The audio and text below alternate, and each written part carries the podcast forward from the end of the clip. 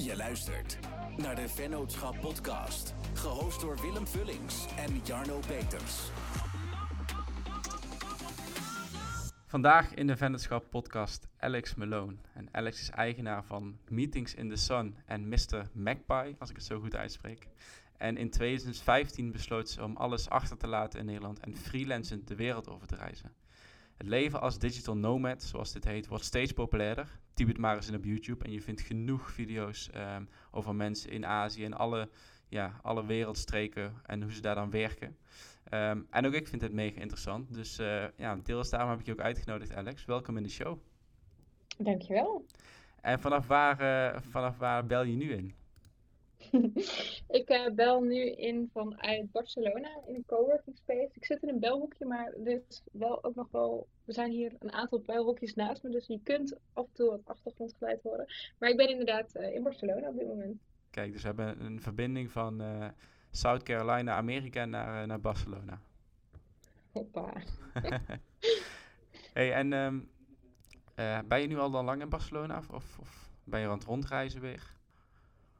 Ja, ik heb in uh, december heb ik een uh, droom in uh, vervulling laten gaan door een camperbus te kopen, een omgebouwde Volkswagen Transporter.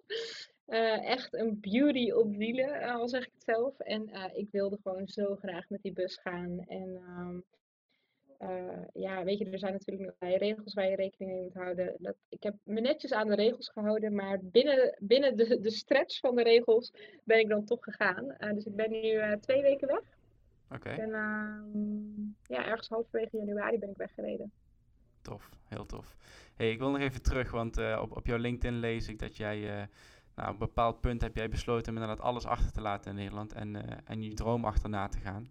En op welk punt in je leven besloot je dat je de wereld over wilde gaan reizen? Um, nou, het is eigenlijk zo gegaan. Ik, um, ik werkte bij een bureau in Amsterdam als digitaal stratege. En ik had echt, ik denk, de leukste baan van de wereld. Uh, ik had precies de baan die ik wilde, uh, waar ik voor gestudeerd had. Um, het ging goed, ik had leuke collega's, ik had een leuk salaris, ik had een leuk huis in Amsterdam. Um, doorgroeimogelijkheden, ik had een soort van alles wat mijn hartje begeerde. Um, en toen kreeg ik een vast contract aangeboden en toen dacht ik, nee, dat wil ik niet. Het is gewoon een soort van gouden kooi waar ik dan al in zit op mijn 21ste. Plus ik merkte gewoon dat uh, het werken van 9 tot 5 of 9 tot 8, um, ehm, vijf dagen in de week, dat dat voor mij er gewoon echt voor zorgde. En zeker elke dag naar hetzelfde kantoor gaan, zorgde voor mij dat ik gewoon mijn energie langzaam uit me voelde lopen gedurende de dag. En ik vond het gewoon op een duur saai worden. Hoe leuk ik mijn werk ook vond, ik, ik vond het toch saai. En ja, ik, ik had gewoon echt last van vluchtgedrag. En toen ik dus dat vast contract aangeboden kreeg, toen dacht ik, nee, ik moet nu echt weg.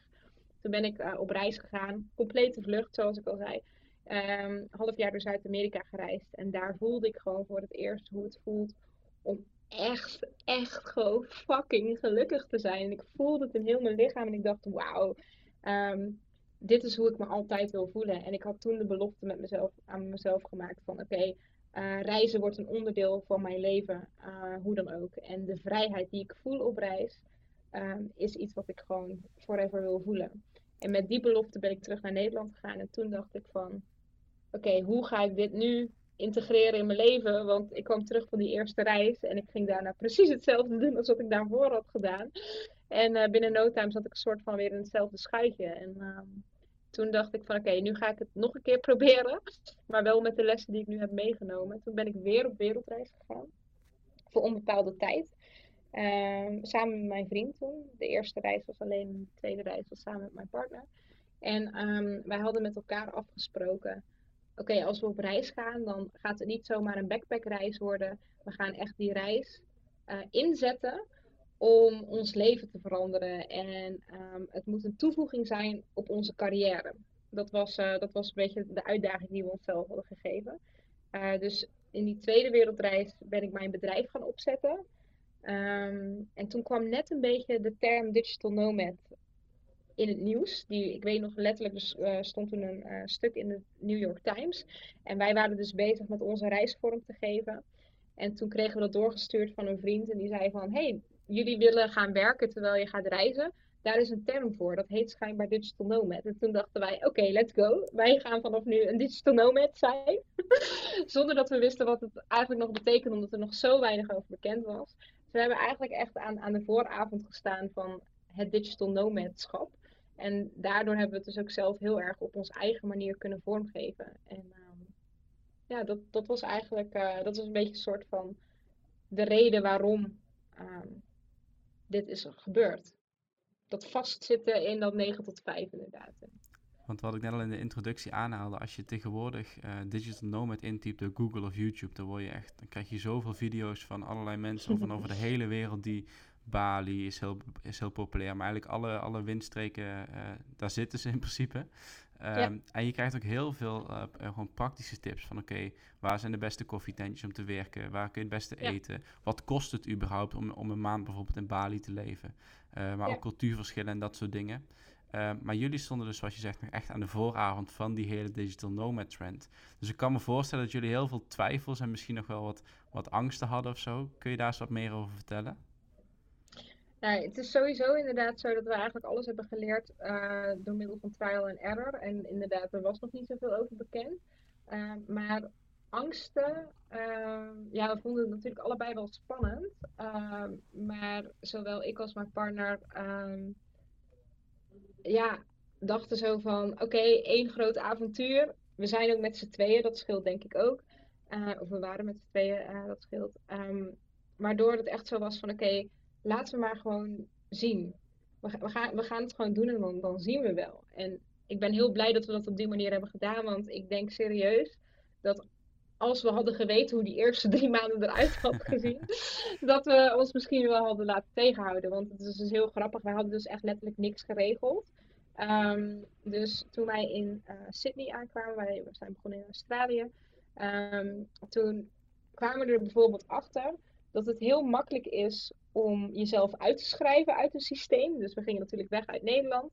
Maar om vervolgens in een systeem te komen, um, is veel moeilijker. En daar had ik nog nooit over nagedacht. Maar als je hier geboren wordt, dan krijg je natuurlijk een burgerservice nummer en een paspoort. En vanuit daar krijg je je eerste bankrekening en je, uh, je spaarvloot en weet ik veel wat je allemaal, uh, allemaal geregeld krijgt om in een systeem te horen. En dat hadden wij allemaal niet. Maar als je dan een auto wil gaan kopen, uh, wat wij wilden, Um, uh, of, dan heb je een adres nodig. En als je een adres uh, wil hebben, dan heb je een baan nodig. Maar om een dus we kwamen echt zeg maar, in de bureaucratie van, ehm, van Australië terecht. Dus het kostte allemaal heel erg veel tijd om, ehm, om eigenlijk te starten. Als ik dat nu opnieuw zou moeten doen, dan zou ik die dingen wel van tevoren hebben geregeld. Um, waardoor je gewoon gelijk daar kunt beginnen. Maar dat hebben we gewoon helemaal niet gedaan. Daar hadden we helemaal niet over nagedacht. we, zijn echt, we zijn echt gewoon ja, als twee blinden erin gesprongen. En um, ja, daar zou je van alles van kunnen vinden. Maar ik ben wel heel blij dat we het op die manier alles gedaan hebben. Want daardoor hebben we zoveel geleerd. En, ja. ja. en, en hoe zag op dat moment jouw, eh, jouw business eruit? Want je was die destijds aan het opstarten, begrijp ik dat goed? Ja, klopt. Dus ik was nog geen, uh, ik had nog geen business. Um, ik was vlak daarvoor had ik me wel ingeschreven bij de KVK, dus ik was dan officieel freelancer. Uh, daarvoor had ik dus altijd in loondienst gezeten als digitaal stratege. En daarna was ik freelance digitaal stratege. Um, ik werkte voor uh, wat Nederlandse klanten die ik, um, die ik mee had genomen eigenlijk uit mijn loondienstverband. en ik wilde graag ook lokale klussen doen. Um, dus ja, het was een beetje van alles wat. en ik had ook nog een travel blog. Dus ook daar had ik wat inkomsten uit. Dus ik had eigenlijk drie verschillende uh, geldstromen. Uh, vanuit Nederland, vanuit lokale klussen, um, tijdens het reizen. Uh, dus ik heb in Bali gewerkt, in LA gewerkt, in Australië gewerkt, in Nieuw-Zeeland gewerkt, in Singapore wat dingen gedaan, in uh, Bali had ik al gezegd. dus allemaal lokale projecten en dan ehm, inderdaad affiliates en samenwerkingen van mijn blog. En hoe is dat om zo'n lokaal project op te starten? Want ik kan me voorstellen, je, noemt nu een heel aantal steden en landen, dat dat in elke ja. land, elke cultuur heel anders in zijn werk gaat.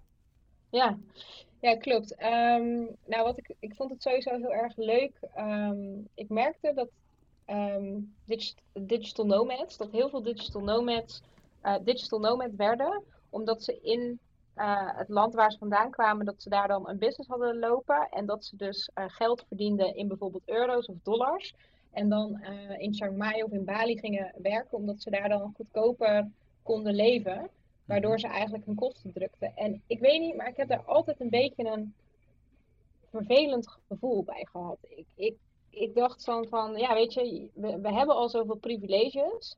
En ehm, ja, het voelde voor mij een beetje als misbruik is misschien een beetje een groot woord, maar het voelde ook weer niet helemaal goed om dat op die manier volledig te doen. Dus ik vond het heel erg belangrijk en leuk om op een bepaalde manier ook terug te geven aan de, ehm, aan de locaties waar ik mocht reizen. Dus aan de ene kant had ik dan ook mijn uh, Nederlandse geldstroom uh, en kreeg ik ook betaald in euro's. Maar zeker ook in Indonesië vond ik het dus heel vet om te kijken van oké, waar zijn de projecten dat ik kan helpen? En um, wat zijn andere um, ruilmiddelen dan geld? Um, en zo heb ik bijvoorbeeld een van mijn lievelingsprojecten nog steeds is uh, een project dat ik in Bali heb gedaan. wij hadden een hotel geboekt, of eigenlijk een homestay. Dus de, uh, de charme van een homestay had het, maar de luxe van een hotel. En wij woonden dus bij Balinese mensen. super mooi, gebouw hadden zij gebouwd, maar zij, zaten heel, zij waren helemaal leeg. En zij wisten niks van online marketing, ze hadden geen website, ze stonden niet op booking.com. En wij zeiden van, we hadden daar dus echt gewoon eerst de eerste paar nachten gewoon geboekt en voor betaald. En toen vroegen ze van, ja, kunnen jullie ons niet helpen? Hij zei, ja, uh, eigenlijk wel, want dit is eigenlijk wel precies wat we doen. Uh, maar we wilden het niet gratis doen, ook omdat we hun de waarde van ons werk wilden laten inzien. En toen hebben we gewoon gezegd van, oké, we kunnen een website voor jullie maken, we kunnen fotografie, voor jullie doen, teksten voor jullie schrijven. Um, we kunnen um, jullie op booking.com zetten. We kunnen zorgen dat, dat, dat, jullie in allerlei verschillende landen vindbaar zijn. Nou, een hele social strategie gemaakt. Zorg dat we op Facebook zitten. nou, de hele rambam. Um, wat zouden jullie daarvoor willen geven? En toen zeiden ze, ja, maar wij kunnen jullie helemaal niks geven. We hebben helemaal niks voor jullie.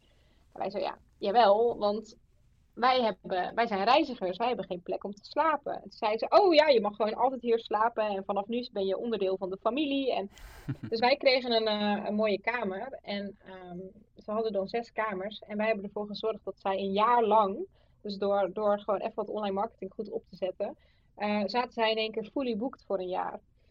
Um, dus zij waren echt zo dankbaar en blij. En we hebben nog steeds contact met hen. En ze zeiden ook van, oké, ja, jullie zijn gewoon echt onderdeel van de familie. Wanneer je ook in Bali bent, dit is jullie thuis. En we zijn dus ook nog een paar keer terug geweest naar Bali. En dan is het ook inderdaad, dan, dan is het gewoon alsof wij erbij horen. Dan uh, gaan ze uh, van, alles voor ons koken. We zijn meegeweest naar een crematie, um, wat daar een heel groot ding is. En dan worden we aangekleed in traditionele kleding. En is, is een van mijn lievelingsprojecten. En daar hebben we in principe niks mee verdiend.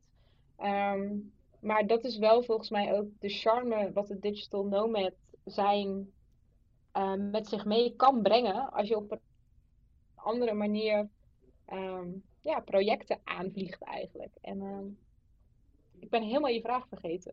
Nou, ik, ik, ik zit helemaal in het verhaal. Ik vind het uh, heel oh. gaaf dat je uh, over echt het teruggeven aan het land waar je in zit. Dat is echt iets wat ik inderdaad, kom ik weer terug op al die YouTube-video's, wat ik daarin heel erg mis. Want daar is inderdaad, yeah. of ik heb mijn e-commerce store, of ik heb gewoon mijn diensten die ik, uh, yeah. die ik remote kan doen. en dan kan ik inderdaad in een, in een Bali kan ik heel goedkoop leven. En dan hou ik gewoon genoeg geld over. En enerzijds heb ik precies van, ja oké, okay, je helpt daar de economie wellicht. Je helpt de lokale ondernemers omdat je er um, uh, elke, elke dag bij het koffietentje zit of altijd uit eten gaat, prima. Maar uh, ik heb nooit daar verder over nagedacht van oké, wat kan zo iemand dan ook doen om echt terug te geven? En ik ben dan ook wel benieuwd, heb je dat altijd al in je, in je gehad, dat je terug wil geven aan je omgeving of aan je community? Ja, ja, ja. Ik, ik, het, eerste, um, het eerste platform wat ik ooit had, heet Story of My Will. En um, dat was een, uh, een, reisplatform waar ik je net over heb verteld, even kort. En um, ik weet nog, en het, frustreerde mij altijd. Uh, ik snap het, en ik snap het zeker nu ik twee bedrijven heb die gewoon goed lopen. Um, maar het frustreerde mij altijd dat in het begin van dat platform had ik dus een idee bedacht, een concept bedacht, wat, wat ook heel erg ging over het teruggeven van en een impact maken op. En, en toen ik dan vertelde over dit idee tegen andere mensen, dan was altijd de eerste vraag van, ja, maar wat is je verdienmodel? Wat is je verdienmodel? Wat is je verdienmodel?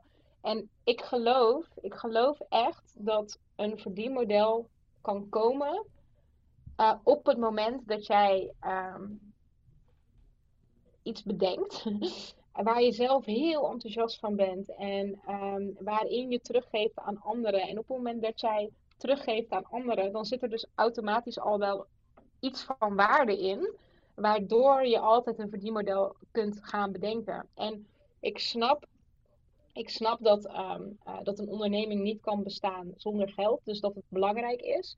Maar ik geloof ook dat in het begin dat je ook af mag gaan op hetgene wat je energie geeft, wat je blij maakt um, en waarin je terug kan geven aan. En ik, ik refereer wel vaker ook in, uh, in onze programma's en zo naar de Six Human Needs of Fulfillment. En dat is een, um, een methodiek van Chloe Medinens, dat is de coach van Tony Robbins.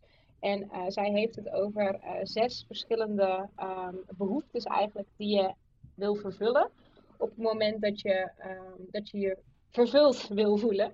En twee van die, twee van die basisbehoeftes zijn groei. En die andere is dus dat je zelf dus jezelf wil ontwikkelen. En die andere is uh, een bijdrage leveren aan.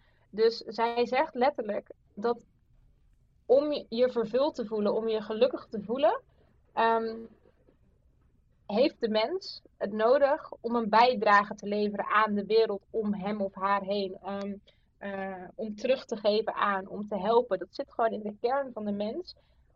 Dat iedereen wil helpen. En dat vind ik zo'n mooi iets om van uit te gaan. En op het moment dat dat dus ook de kern is van je onderneming.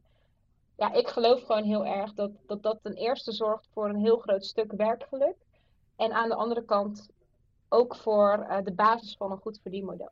Kun je mij eens meenemen, want, want dat had ik bijvoorbeeld toen ik hier een aantal, uh, aantal weken geleden neerstreek hier in Amerika. In het begin is het natuurlijk heel erg aanpassen. Je komt in een nieuwe plek terecht, je moet heel veel dingen regelen, wifi, allemaal dat soort dingen. Uh, dus in het begin ben je eigenlijk gewoon heel druk met allemaal zaken die in Nederland altijd voor je geregeld zijn. Het is allemaal heel vanzelfsprekend ja. wat, we, wat we hebben in Nederland. Um, ja.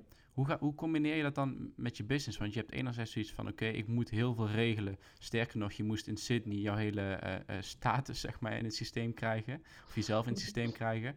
Ten opzichte van, hé, hey, maar ik moet ook tijd hebben om, om een business te bouwen. Vooral als je eigenlijk nog bezig bent om je business überhaupt op te bouwen. Ja. Um, nou, wat wij hebben gedaan toen we weggingen, is we gingen sowieso weg met een, met een flinke buffer. Dus we hadden, we hadden tijd... Um, doordat we geld hadden. Dus um, ja, dat, is, dat zou ook zeker iets zijn wat ik, wat ik iedereen zou aanraden. Als dit is wat je wil doen, geef jezelf die ruimte. Um, dus wat heb je nodig? Dat is, dat is een berekening die je gewoon van tevoren uh, kunt en eigenlijk zou moeten maken. Um, wat heb je nodig per maand? probeer dat uit te rekenen en kijken hoeveel maanden jij het prettig vindt om jezelf opstarttijd te geven. Wij hebben uh, vijf maanden onszelf gegeven. Uh, was uiteindelijk niet nodig. Ik vond dat wel een fijn idee. Uh, dat we vijf maanden zonder inkomsten konden zitten op reis. Met de berekeningen die wij dus hadden gemaakt. Um, en op basis daarvan hebben we ook ons budget ingedeeld. Dus wisten we hoeveel we per week op konden maken. En dat zijn natuurlijk hele concrete dingen die je gewoon een bepaalde rust en een bepaalde zekerheid geven. Um, en door die rust en door die ruimte en door die zekerheid kun je ook gaan creëren. Op het moment dat jij in de stress zit en oh fuck, ik moet nu uh, een auto gaan regelen, maar ik moet hem zelf in het systeem krijgen. Oh, en dit moet nog geregeld worden. Oh, en mijn business moet ook gaan lopen. Je voelt al, aan, ik voel het in ieder geval letterlijk in mijn lichaam op het moment dat ik dit zo aan het zeggen ben. Ik voel gewoon mijn hartslag omhoog gaan. Dat is niet een, een, uh, een energie waar je in wil zitten om te creëren. Dat, dat lukt niet. Dat, dat verlamt. Angst verlamt. Angst is de grootste remmer van productiviteit. En op het moment dat je dat voor jezelf gaat creëren, doordat je jezelf weinig tijd geeft of wel, weinig ruimte geeft om te creëren, um, nou, super zonde en onnodig ook. Dus ja, geef dus jezelf die tijd en ruimte. Ja, dat, dat, is de, dat is de tip die je, die je eigenlijk moet opvolgen voordat je überhaupt vertrekt, zeg je. En, en als je dan eenmaal bent, dus je, je bent gesetteld en, uh, en je hebt het eigenlijk al een beetje allemaal op orde, je bent een beetje bekend in de omgeving. Hoe heb je dan gezorgd dat je wat structuur en wat ritme in je dagen gaat krijgen? Want ik denk dat je heel erg op zoek bent, vooral in het begin, uh, naar de balans tussen enerzijds echt ultiem genieten van het land, van de mensen, van de cultuur, van het warme weer wellicht. En anderzijds dat je ook gewoon ja, je ding wil doen, dus wil creëren en aan je business wil blijven bouwen. Hoe, hoe zorg je daarin voor structuur? Ja, goede vraag. Um, goede vraag. En ik wil hier eigenlijk twee dingen over zeggen. En voordat ik je vraag ga beantwoorden, um, wil ik heel even inzoomen op één, één belangrijk punt. Want um, we hebben het over digital nomad en over remote werken. En het is denk ik heel belangrijk om sowieso het verschil daartussen te weten, maar ook om een klein stukje van mijn visie daarin mee te nemen. Want kijk, um, uh, een digital nomad werkt altijd remote. Maar remote, niet iedereen die remote werkt is een digital nomad. Uh, dus een digital nomad is specifiek iemand die remote werken gebruikt om veel van de wereld te zien. Uh, en die dus inderdaad veel reist. Um, en waar ik een beetje moeite mee heb, is dat de digital nomad. Um, en waarom denk ik dus ook de trend voorbij is, is omdat veel mensen die digital nomad wilden worden of willen worden, um, dat die een soort van als doel hebben om in het buitenland te kunnen werken. Of die hebben als doel om aan het zwembad of langs het strand te kunnen werken. Of vanuit een villa in uh, Chiang Mai of Bali of whatever. Um, en ik geloof daar niet in. Ik geloof niet dat dat jouw doel in het leven moet zijn. Je doel is iets veel groters dan werken vanuit het buitenland. Um, uh, en dan komen, komen we weer terug op waar we het eigenlijk net over hadden. Um, wat, wat voeg jij toe? Wat wil jij neerzetten? Wat wil jij neerzetten en hoe wil je daar zo um, anderen mee helpen? Hoe kun je daar impact maken en hoe kun je daar verdienmodellen aanhangen? Dat moet, dat moet je doel zijn. En hoe je dat doet, dat kan remote. En dan kun je dat dus, kun je ervoor kiezen om dat te doen als digital nomad. Maar digital nomad zijn is volgens mij niet je doel. Um, en daar zit voor mij een heel groot um, belangrijk stuk van de succesfactor in. Want als digital nomad worden je doel is, dan kun je dus naar Bali gaan, klap je je laptop open aan de kant van het zwembad. En dan? Dan heb je je doel bereikt. Want je bent aan het werken in het buitenland, maar je hebt geen idee wat je dan gaat doen of hoe je geld gaat verdienen, dan moet je dan nog gaan bedenken. Mm -hmm. Dus die volgorde is heel, heel gekkig. Snap je wat ik bedoel? Ja, maar is het niet zo dat voor heel veel mensen het doel is om heel veel van de wereld te zien, om veel mensen te leren kennen en heel veel culturen te, te leren kennen? Dat is zeg maar het. En dan is het containerbegrip dan, ben je daarvan... Gewoon een dan... dan ben je gewoon een reiziger. Ja, maar je wil ook op een of andere manier inkomen hebben. Ja, maar dan, dan ga je dus iets zoeken uh, hoe, je, uh, hoe je maar gewoon bezig kunt zijn en geld kunt verdienen. Toch? Dat, dat zou dan. Ja, misschien, misschien, ja, misschien zijn er gewoon meerdere wegen inderdaad die naar Rome leiden. Maar voor mijn gevoel, op het moment dat. Als, ik heb heel veel digital nomads zien beginnen als digital nomad, die uiteindelijk het niet hebben gehaald. Dus die waren dan eigenlijk gewoon de reiziger met een laptop die het niet voor elkaar hebben gekregen om een business op te zetten of uh, om hun freelance business te laten werken. En waar zit dat hem in? Dat zit hem volgens mij in um, dat je eigenlijk in eerste instantie als doel hebt om te reizen. Um, en dan kies je dus ook voor, um, voor eigenlijk het reizigersbestaan met een laptop. Terwijl in eerste, als je echt digital nomad wil worden, dan ben je in eerste instantie een ondernemer. Mm-hmm. Um, en dan kom ik dus terug op jouw vraag. Um, uh, hoe hou je balans?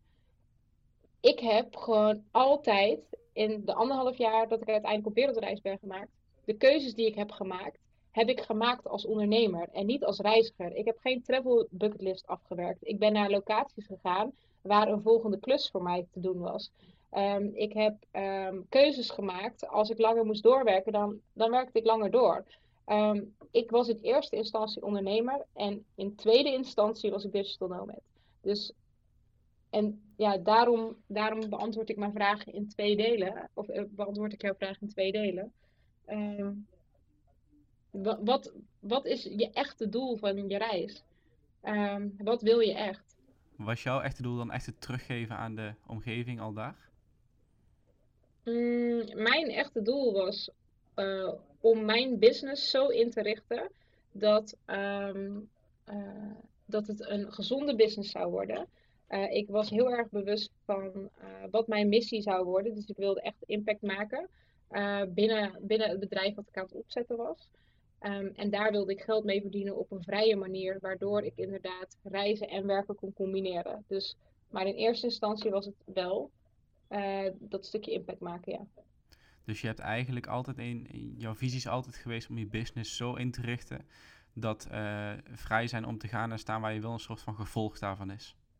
Ja. Ja, tof. Ja, dat komt heel erg overeen met, uh, met hoe mijn visie daarop is. Maar wordt dan het, het leven als een digital nomad, wordt dat dan niet gewoon veel te veel geromantiseerd online? Ik denk het wel, ja. ik denk het wel. Want je gaf net ook aan dat de trend al een beetje, dat die al, al weg aan het gaan is. Um, ja, die is al wel langer weg, ja. Hoezo is dat? Hoe komt dat? Ik denk dat het deels te maken heeft met dat heel veel mensen van de koude kermis thuis zijn gekomen, die, uh, die inderdaad naar Bali zijn vertrokken en uh, bij wie het min of meer niet gelukt is. En die zijn, er zijn heel veel mensen gewoon tegen uitdagingen aangelopen. Eentje die jij ook net zelf beschrijft, van oké, uh, wanneer zit ik nou in mijn vakantiemodus en wanneer zit ik in mijn werkmodus? Um, is het wel echt zo? Kijk, is het wel echt zo leuk uh, als, als het eruit ziet. Het zijn in ieder geval niet de plaatjes. De, iedereen die nu nog digital nomad is, die heeft niet van die plaatjes dat hij uh, op het strand aan het werken is of aan een zwembad aan het werken is. Dat zijn gewoon mensen die in hun coworking space gewoon lange dagen maken. Het is gewoon nog steeds het runnen van je business. En er is geen shortcut voor het opzetten van een succesvolle business dat betekent gewoon dat je daar zo um, uh, je tijd in moet investeren, dat je daar hard voor moet werken. En dat betekent dus ook dat je hard moet werken, ook als je in een fucking mooi land bent met hartstikke lekker weer buiten. Alleen de verleiding is dan groter. Um, en dan moet je dus wel echt een business hebben waarvan je heel erg fucking blij wordt. Want anders kun je die verleiding niet weerstaan.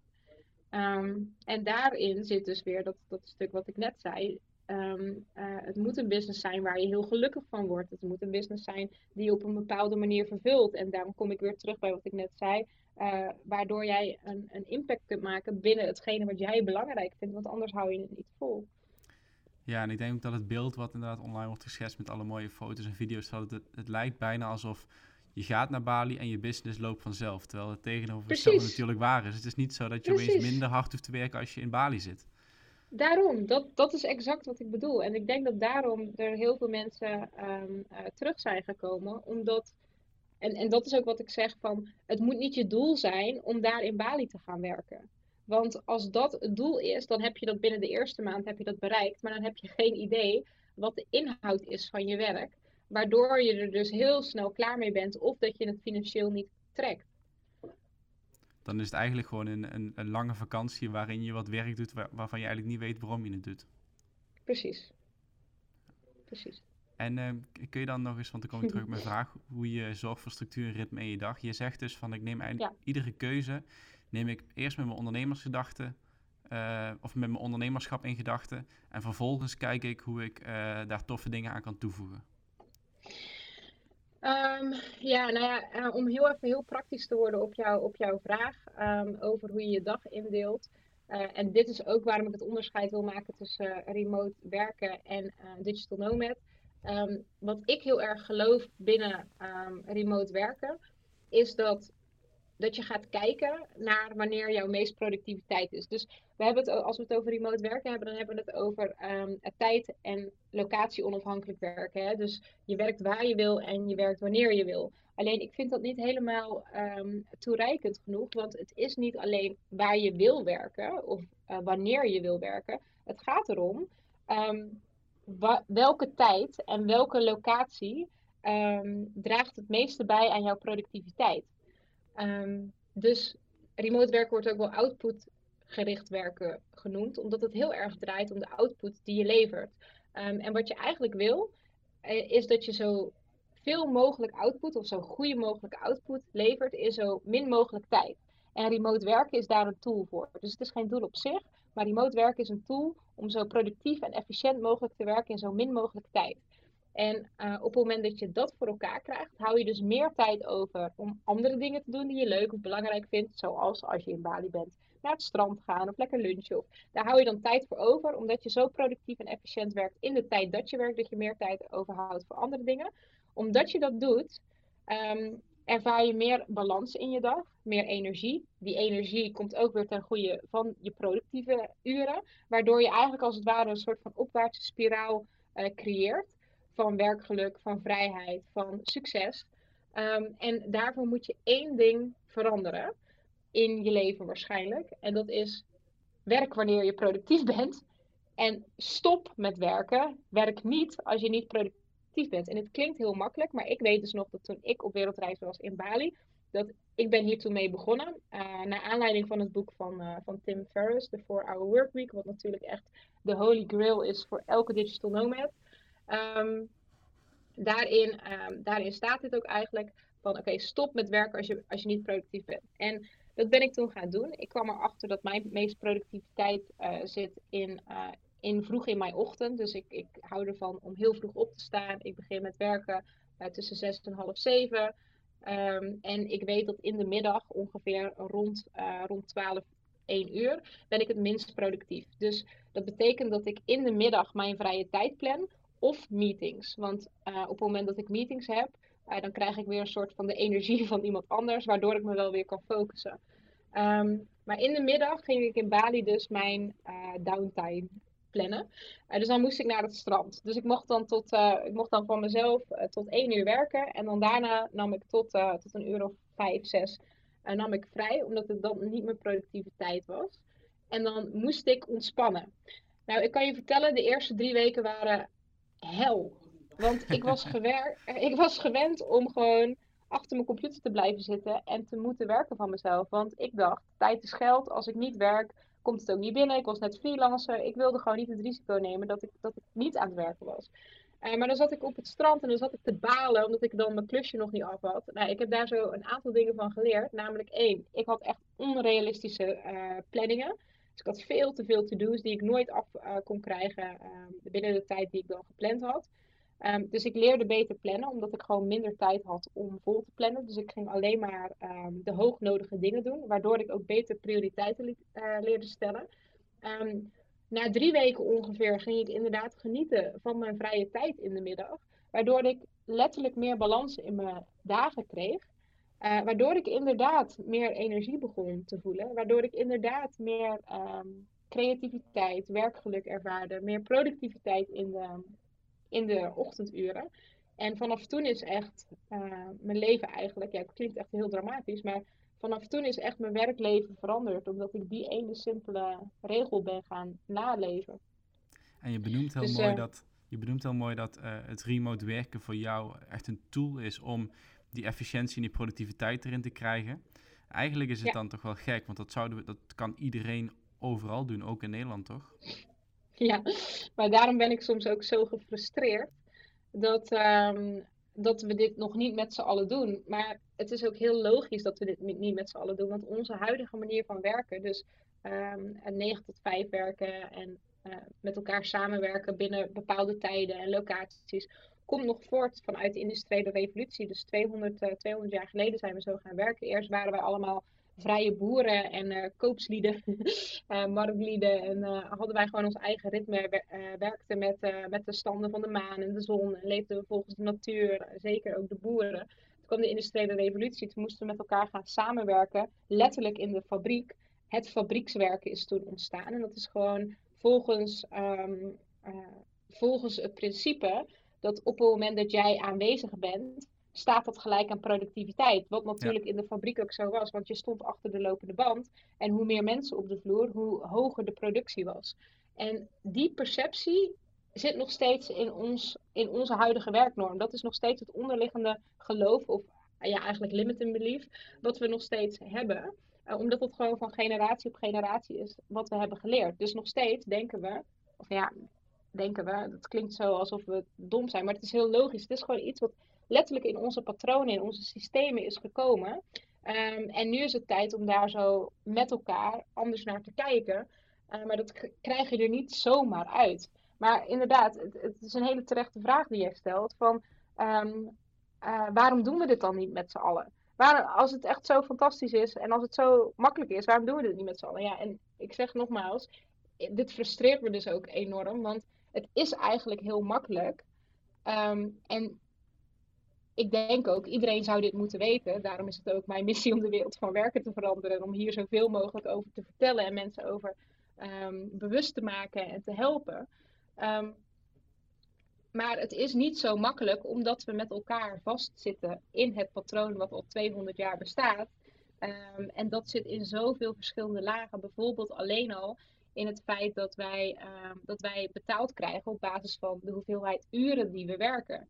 Dus we krijgen gewoon een bepaald salaris voor de maand. En het maakt eigenlijk niet uit wat je ervoor oplevert. Ehm, als jij aanwezig bent, aanwezigheid is productiviteit. Als jij aanwezig bent, krijg jij gewoon betaald.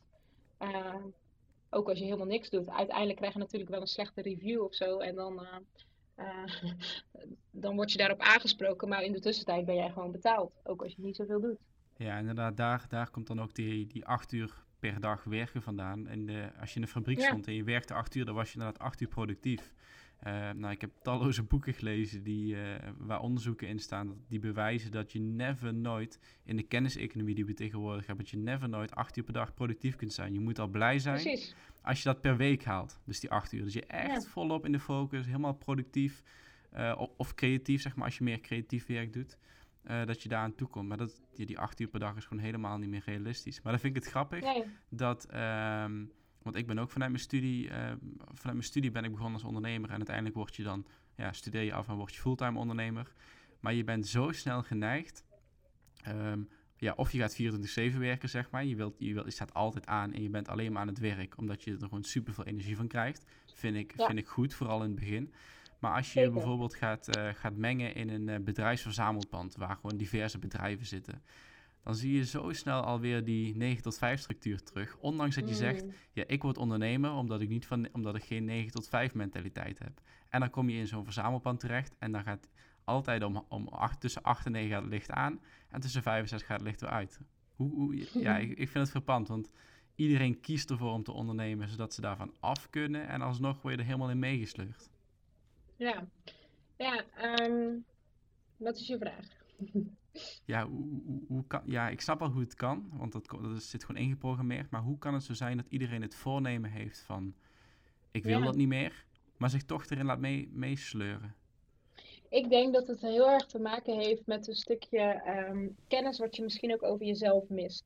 Dus um, ik zei net, werk wanneer je het meest productief bent en stop met werken wanneer je niet productief bent. Daar zitten natuurlijk een aantal hele belangrijke vragen onder. Wanneer ben ik precies productief? Wanneer ben ik niet productief? Wanneer werk ik het liefst? Waar werk ik het liefst?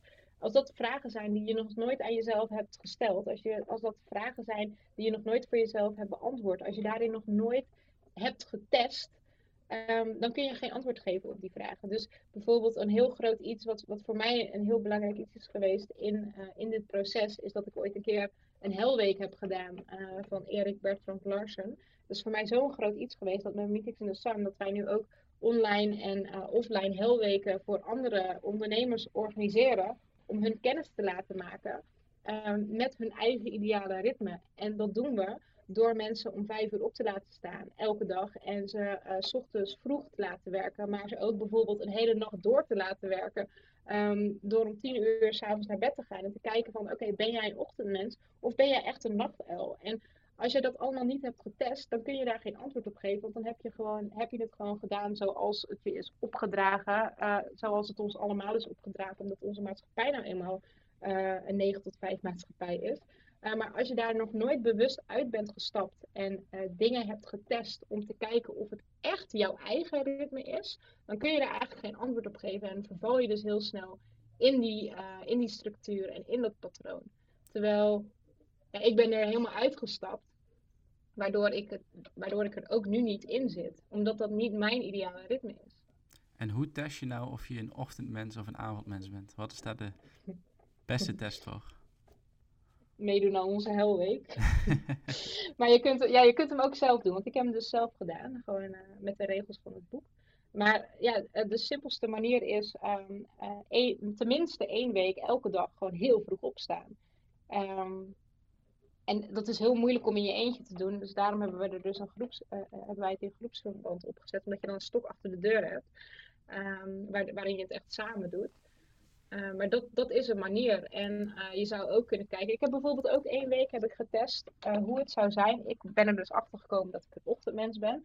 Toen dacht ik, wat als ik nou twee keer een ochtend in mijn dag probeer te doen? Dus wat ik toen heb gedaan, werd ik elke dag om vijf uur wakker. En dan ehm, deed ik gewoon alsof, ja, dan ging ik gewoon mijn dag beginnen.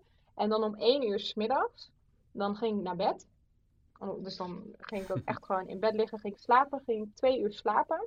En dan werd ik wakker en dan ging ik weer opnieuw douchen. En dan deed ik andere kleren aan en dan deed ik net alsof het een nieuwe dag was. En dat werkte dus. Ik had mezelf zo gefopt dat ik gewoon dacht dat het weer opnieuw ochtend was. Waardoor ik eigenlijk twee weken in één week had gepropt. Ja, dat is, dat is wel grappig plannen met, ehm, met afspraken en zo. Maar dat werkte op zich wel. En ik vind het dus nu best wel leuk om af en toe eens een keer weer te doen één week. Omdat ik dan in één, in één week um, de productiviteit heb van twee weken. Dus wat jij net zegt over die acht uur in een, in een week, daar moet je blij mee zijn. In zo'n week lukt mij dat makkelijk. Omdat ik gewoon mijn eigen brein fop. ja, grappig, grappig dat je dat zo hebt getest. En um, heb je dan ook een bepaalde ochtendroutine als je dan zo vroeg wakker wordt? Of ga je direct aan het werk? Uh, ik, heb, ik, heb een, ik heb een ochtendroutine, maar die ochtendroutine die, um, is niet echt een routine. Um, ik heb wel een paar dingen die altijd terugkomen. Ik zet geen wekker. Um, omdat dat voor mij een stukje vrijheid is. Dat ik gewoon wakker word wanneer ik wakker wil worden. En ik word um, ja, tussen half zes en kwart over zes wakker. Um, en dan sta ik op en dan kijk ik waar ik op dat moment zin in heb. En dat is de ene keer mijn laptop openklappen en vanuit mijn slaap gelijk full actiemodus gaan. Uh, maar het is ook vaak een rondje wandelen, uh, dansen, eerst schrijven, een stuk lezen. Uh, dus mijn ochtend, mijn ochtend is echt heilig. vooral voor tien uur mag ik, mag ik doen waar ik zin in heb. En wat, whatever dat is, dat doe ik dan. Om mijn dag zeg maar, zo fijn mogelijk te beginnen. En dan werk ik tot een uur of 1, 2. En dan, um, als ik dus in de middag heb ik dan heb ik graag mijn meetings gepland. Uh, als ik geen meetings heb, dan uh, kan het soms zo zijn dat ik tot 4 uur productief ben. Maar als ik dat niet ben, dan ga ik even een rondje buiten wandelen. En dan uh, rond een uur of zeven heb ik een tweede piek waarin ik heel productief kan zijn. Dus dan heb ik weer mijn focusuren en mijn creativiteit en mijn productiviteit zit daar weer. En dan kan ik hem dus ook wel soms dat ik hem in één keer weer heel lang doorklap. Dus ik kan soms in één keer tot twee uur s'nachts heel, heel productief zijn. En dan word ik dus ook later wakker in de ochtend. Dus daarom zet ik geen wekker. Klinkt ook alsof je alles heel intuïtief doet. Ja, klopt. Ja, dat is wel grappig. Omdat, omdat je tegenwoordig in de persoonlijke ontwikkelingssfeer wordt je echt uh, doodgegooid met allemaal ochtendroutines. Je hebt de 5 AM, 5 AM club, je hebt Miracle ja. Morning. Allemaal dat soort uh, dingen waarbij je ook heel strikt zeg maar aan bepaald... Je moet mediteren, je moet ademhalen, je moet schrijven, koud douchen, whatever. Ja. Um, terwijl je ook gewoon in principe het, het, hetzelfde kunt doen als in vroeg opstaan. Maar dan gewoon heel intuïtief je dag kunt beleven en en het echt op, ja. op basis van gevoel doet in plaats van op basis van routines en ritmes. Ja, maar ik denk wel, ik denk wel dat ik dit nu intuïtief kan doen, omdat ik die routines wel geprobeerd heb. Dus ik kan Mhm. pas nu bepalen waar ik zin in heb, doordat ik, doordat ik het dus echt getest heb. En dat is ook wat ik net tegen je zei van, ehm, eh, je moet wel gaan testen. Op het moment dat je dit nog niet getest hebt, kun je niet zeggen van, oh, ik ben wel of geen ochtendpersoon. Als jij nog nooit ehm, eh, een week lang tenminste hebt geprobeerd om om vijf uur op te staan. Toen ik de helweek had gedaan, heb ik dus, ben ik een week lang om vijf uur opgestaan. Maar ik heb het daarna langer dan een half jaar volgehouden. Dus na mijn helweek heb ik iets van acht maanden elke dag om vijf uur opgestaan. Elke dag. Ook in de weekenden. Ehm, omdat ik gewoon dat ritme helemaal eigen wilde maken. En ehm, ik heb ook meer Miracle Morning gedaan. En ik heb ook de 5 AM Club gedaan. En um, ik, heb, ik heb al die dingen geprobeerd. Waardoor ik nu dus ook weet van oké, ja, hier heb ik nu zin in. En nu kan ik het intuïtief. Omdat ik het allemaal geprobeerd heb. Ja, en je hebt natuurlijk alle tools, tips en tricks die in die, um, ja, wat je zei, Miracle Morning en dat soort dingen zitten. Die kun je niet toepassen omdat je het hebt ge geprobeerd. Ja. Je bent er bekend mee. Ja. Plus je weet wat voor jou wel en niet werkt. Dus als je dan op die intuïtie gaat, um, gaat leven als het ware, dan weet je ook precies wat je op bepaalde momenten kunt toepassen om het jezelf misschien wat makkelijker te maken. Ja, exact. En wat ik dus ook heel fijn vind, doordat ik al, al die dingen heb geprobeerd. Um, ik heb ook een keer een lijstje voor mezelf gemaakt. Met um, hoe, zeg maar, welke dingen doe ik op het moment dat ik ehm, in een fijne dag zit. dus ik had dus opgeschreven van, oh ja, dan uh, als, ik, als ik een fijne dag heb gehad, dan heb ik gelezen, dan heb ik gejournald, dan heb ik gedanst, dan heb ik gewandeld, dan eet ik gezond. Uh, nou, zo allemaal van die dingen. En dan heb ik er ook allemaal achter geschreven van op het moment dat ik die activiteiten doe, wat, wat voor gevoel heb ik daar dan bij? Dus uh, dansen geeft mij een gevoel van vrolijkheid en lichtheid. Um, um, lezen geeft me een gevoel alsof ik aan het leren ben, alsof ik groei. Dat vind ik een fijn gevoel. Vroeg opstaan geeft me het gevoel van productief zijn en um, geeft me een gevoel van succes. Dus doordat ik dat inzichtelijk voor mezelf heb gemaakt, weet ik ook, um, als ik een bepaald gevoel wil hebben, welke activiteit ik dan moet doen. En dat is een soort van mijn eigen um, blauwdruk van hoe ik dus werk en uh, hoe ik mezelf kan activeren in bepaalde gevoelens. Dus dat is ook wel een heel mooi iets eigenlijk om, om daaruit te kunnen halen uiteindelijk als je al die dingen geprobeerd hebt. Ja, ja hele gave tip om dat ook zo uh, om echt op papier te zetten en dan gewoon echt na te gaan denken van oké, hoe kom ik in een bepaalde moed of zo? Of hoe, ja, wat is voor mij inderdaad een goede dag? Wanneer kan ik nou, als ik s'avonds in bed lig, zeggen van oké, vandaag was, was top. En niet dat het dan toevallig uh, goed was, maar dat je er echt bewust mee bezig bent geweest. Ja. Ik wil nog even uh, inzoomen op jouw bedrijf, want daar hebben we het eigenlijk nog niet zoveel over gehad. Maar je bent dus eigenaar nee. of, mede, of mede-eigenaar van twee bedrijven. Kun je kort toelichten wat ze beide doen? Ja, zeker. Um, dus ik zal beginnen met Mr. Magpie, want dat was het eerste bedrijf dat ik uh, opzette. Ik uh, had als eerste freelance business in digitale strategie.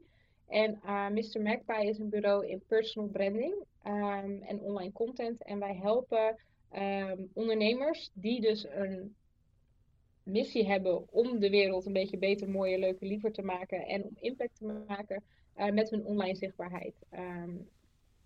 voor hun persoonlijk en of voor het merk wat ze opzetten. Dus merkstrategie en personal branding strategie. En vanuit daar online content. Dat is Mr. Magpie. Um, en Meetings in the Sun um, is eigenlijk ontstaan omdat ik dus Mr. Magpie uh, heb opgezet tijdens die wereldreis. Daar kreeg ik heel veel vragen over. Hoe vind je klanten in het buitenland? Hoe doe je dat met verzekering, met belasting? Uh, hoe houd je werk-privé-balans? Zoals jij net ook vroeg. Nou, ik kreeg er heel veel vragen over. En toen dacht ik, oké, ik ga jullie allemaal één op één beantwoorden, want ik vind het belangrijk dat hier meer informatie over is. Toen dacht ik, oké, dit is totaal niet efficiënt. En toen is Meetings in the Sun eigenlijk een platform geworden in eerste instantie voor digital nomads. Toen ik zelf nog ook digital nomad was, um, midden in de trend.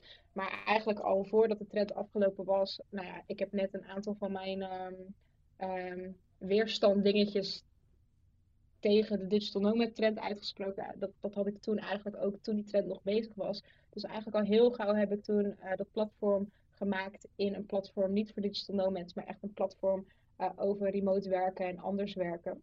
Uh, en daarvoor organiseren wij workations. Dus we nemen mensen letterlijk mee op reis buiten hun comfortzone om ze daar zo te leren en te laten zien wat remote werken voor je kan betekenen. En dan werken we op locatie aan je persoonlijke en zakelijke ontwikkeling. En uh, toen COVID kwam, toen werden al onze workations abrupt gestopt.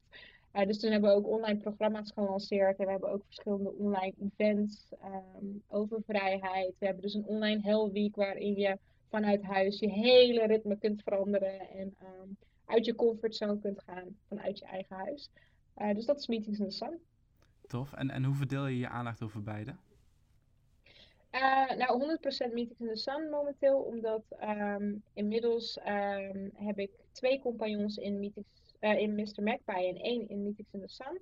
En uh, uitvoerend um, doen mijn twee compagnons Mr. Magpie op dit moment. en zit ik helemaal in meetings. Oké, okay, en dat, die keuze heb je gemaakt omdat je daar de meeste energie van kreeg dan, van Meetings in the Sun? Ja, en ook omdat um, toen uh, COVID kwam, toen, ja, toen, toen gebeurden er zoveel dingen binnen het remote werken. En toen dacht ik gewoon van, ja, hier zit ik eigenlijk gewoon al sinds mijn eerste reis op te wachten. Um, ja, dit, dit idee, deze visie die ik heb over werken, die voel ik al heel lang. Dit is, het is echt mijn missie om de wereld van werken te veranderen en om um, te laten zien hoe het ook anders kan. En uh, veel meer te werken vanuit impact willen maken en verandering op willen zetten. En niet vanuit, eh, ja, en ook bijvoorbeeld managen op basis van vertrouwen en op basis van iemands potentieel en iemand laten groeien als individu. En niet op basis van angst en controle, zoals hoe er nu gemanaged wordt. Dat is echt mijn missie. Dus toen dit allemaal gebeurde en we allemaal in één keer verplicht thuis moesten werken, toen dacht ik, holy fuck, hier moet zoveel informatie over gedeeld worden om dit goed te laten lopen, om remote werken echt te laten werken. Uh, dus toen heb ik mijn aandacht verschoven, inderdaad. Ja, en ook als gevolg van COVID heb je bijvoorbeeld uh, in Amerika is die trend nu al best wel gaande. Shopify bijvoorbeeld, die zijn nu digital by default. Dus die zijn als het ware, als je daar komt werken, dan ben je een soort van remote werker en ga je misschien heel af en toe naar kantoor toe. Um, hoe, hoe kijk jij hier tegenaan? Denk je dat dit de toekomst is? Ja, ik denk het wel. Als ik kijk naar ons eigen bedrijf ook. Um, uh, wij zien, wij hebben bijvoorbeeld ook stagiaires gehad toen, uh, toen corona net kwam. Um, en die hebben wij nooit gezien. En dat is altijd heel goed gegaan. En um, ik geloof ook niet dat je iemand per se moet zien. Ik geloof dat je heel veel verbinding en ik geloof dat je heel goed kunt samenwerken zonder dat je, zonder dat je bij elkaar in de ruimte bent. Dus ik geloof zeker dat dat de toekomst is. Zeker als mensen inzien um, uh, dat ze net zoveel verbinding online kunnen creëren um, als dat dat offline kan. Ja, ja, ben ik het helemaal mee eens. Hey uh, Alex, we gaan, hem langzaam, uh, we gaan hem langzaam afronden. Heb ik nog iets niet gevraagd dat wel super interessant is binnen je werk of als digital nomad om, uh, om te vermelden? Um, ja, heel veel nog wel. Maar um, nee, ik vind echt dat je hele goede, goede leuke vragen hebt gesteld. En ik denk dat ik, ik, denk dat ik een heel mooi overzichtje in een uurtje heb kunnen vertellen over wat remote werken in ieder geval voor mij betekent. En ik, ja, ik hoop dat dat luisteraars er zeker iets aan hebben. En als ik dan nog iets zou moeten zeggen. Hmm, denken hoor. Ja, is eigenlijk. Ik heb, ik heb hem al gezegd, maar ik zou hem nog één keer willen benadrukken. Uh, dat is. Um, ga eens testen met werken als je productief bent. En stop met werken als je niet productief bent. En ik beloof je dat daarmee gewoon je hele werkende leven kan veranderen. Als je dat echt gaat testen. Daar, uh, daar sluit ik me helemaal bij aan. Heeft mij in ieder geval al heel veel, uh, heel veel positiefs en goeds gebracht. Dus uh, nou, bedankt voor de tip. Graag gedaan. Top, dan, Dankjewel voor het interview, dat was leuk. Dan wil, ik je, dan wil ik jullie bedanken voor het luisteren. Alex, bedankt voor je tijd. En um, ja, ik denk dat de mensen echt wel vooruit kunnen met heel veel praktische tips die, die je vandaag gedeeld hebt. Dus dank daarvoor. Top, graag gedaan. Bedankt voor het luisteren naar de Vennootschap podcast. En vergeet niet te abonneren op Spotify en Apple Podcasts.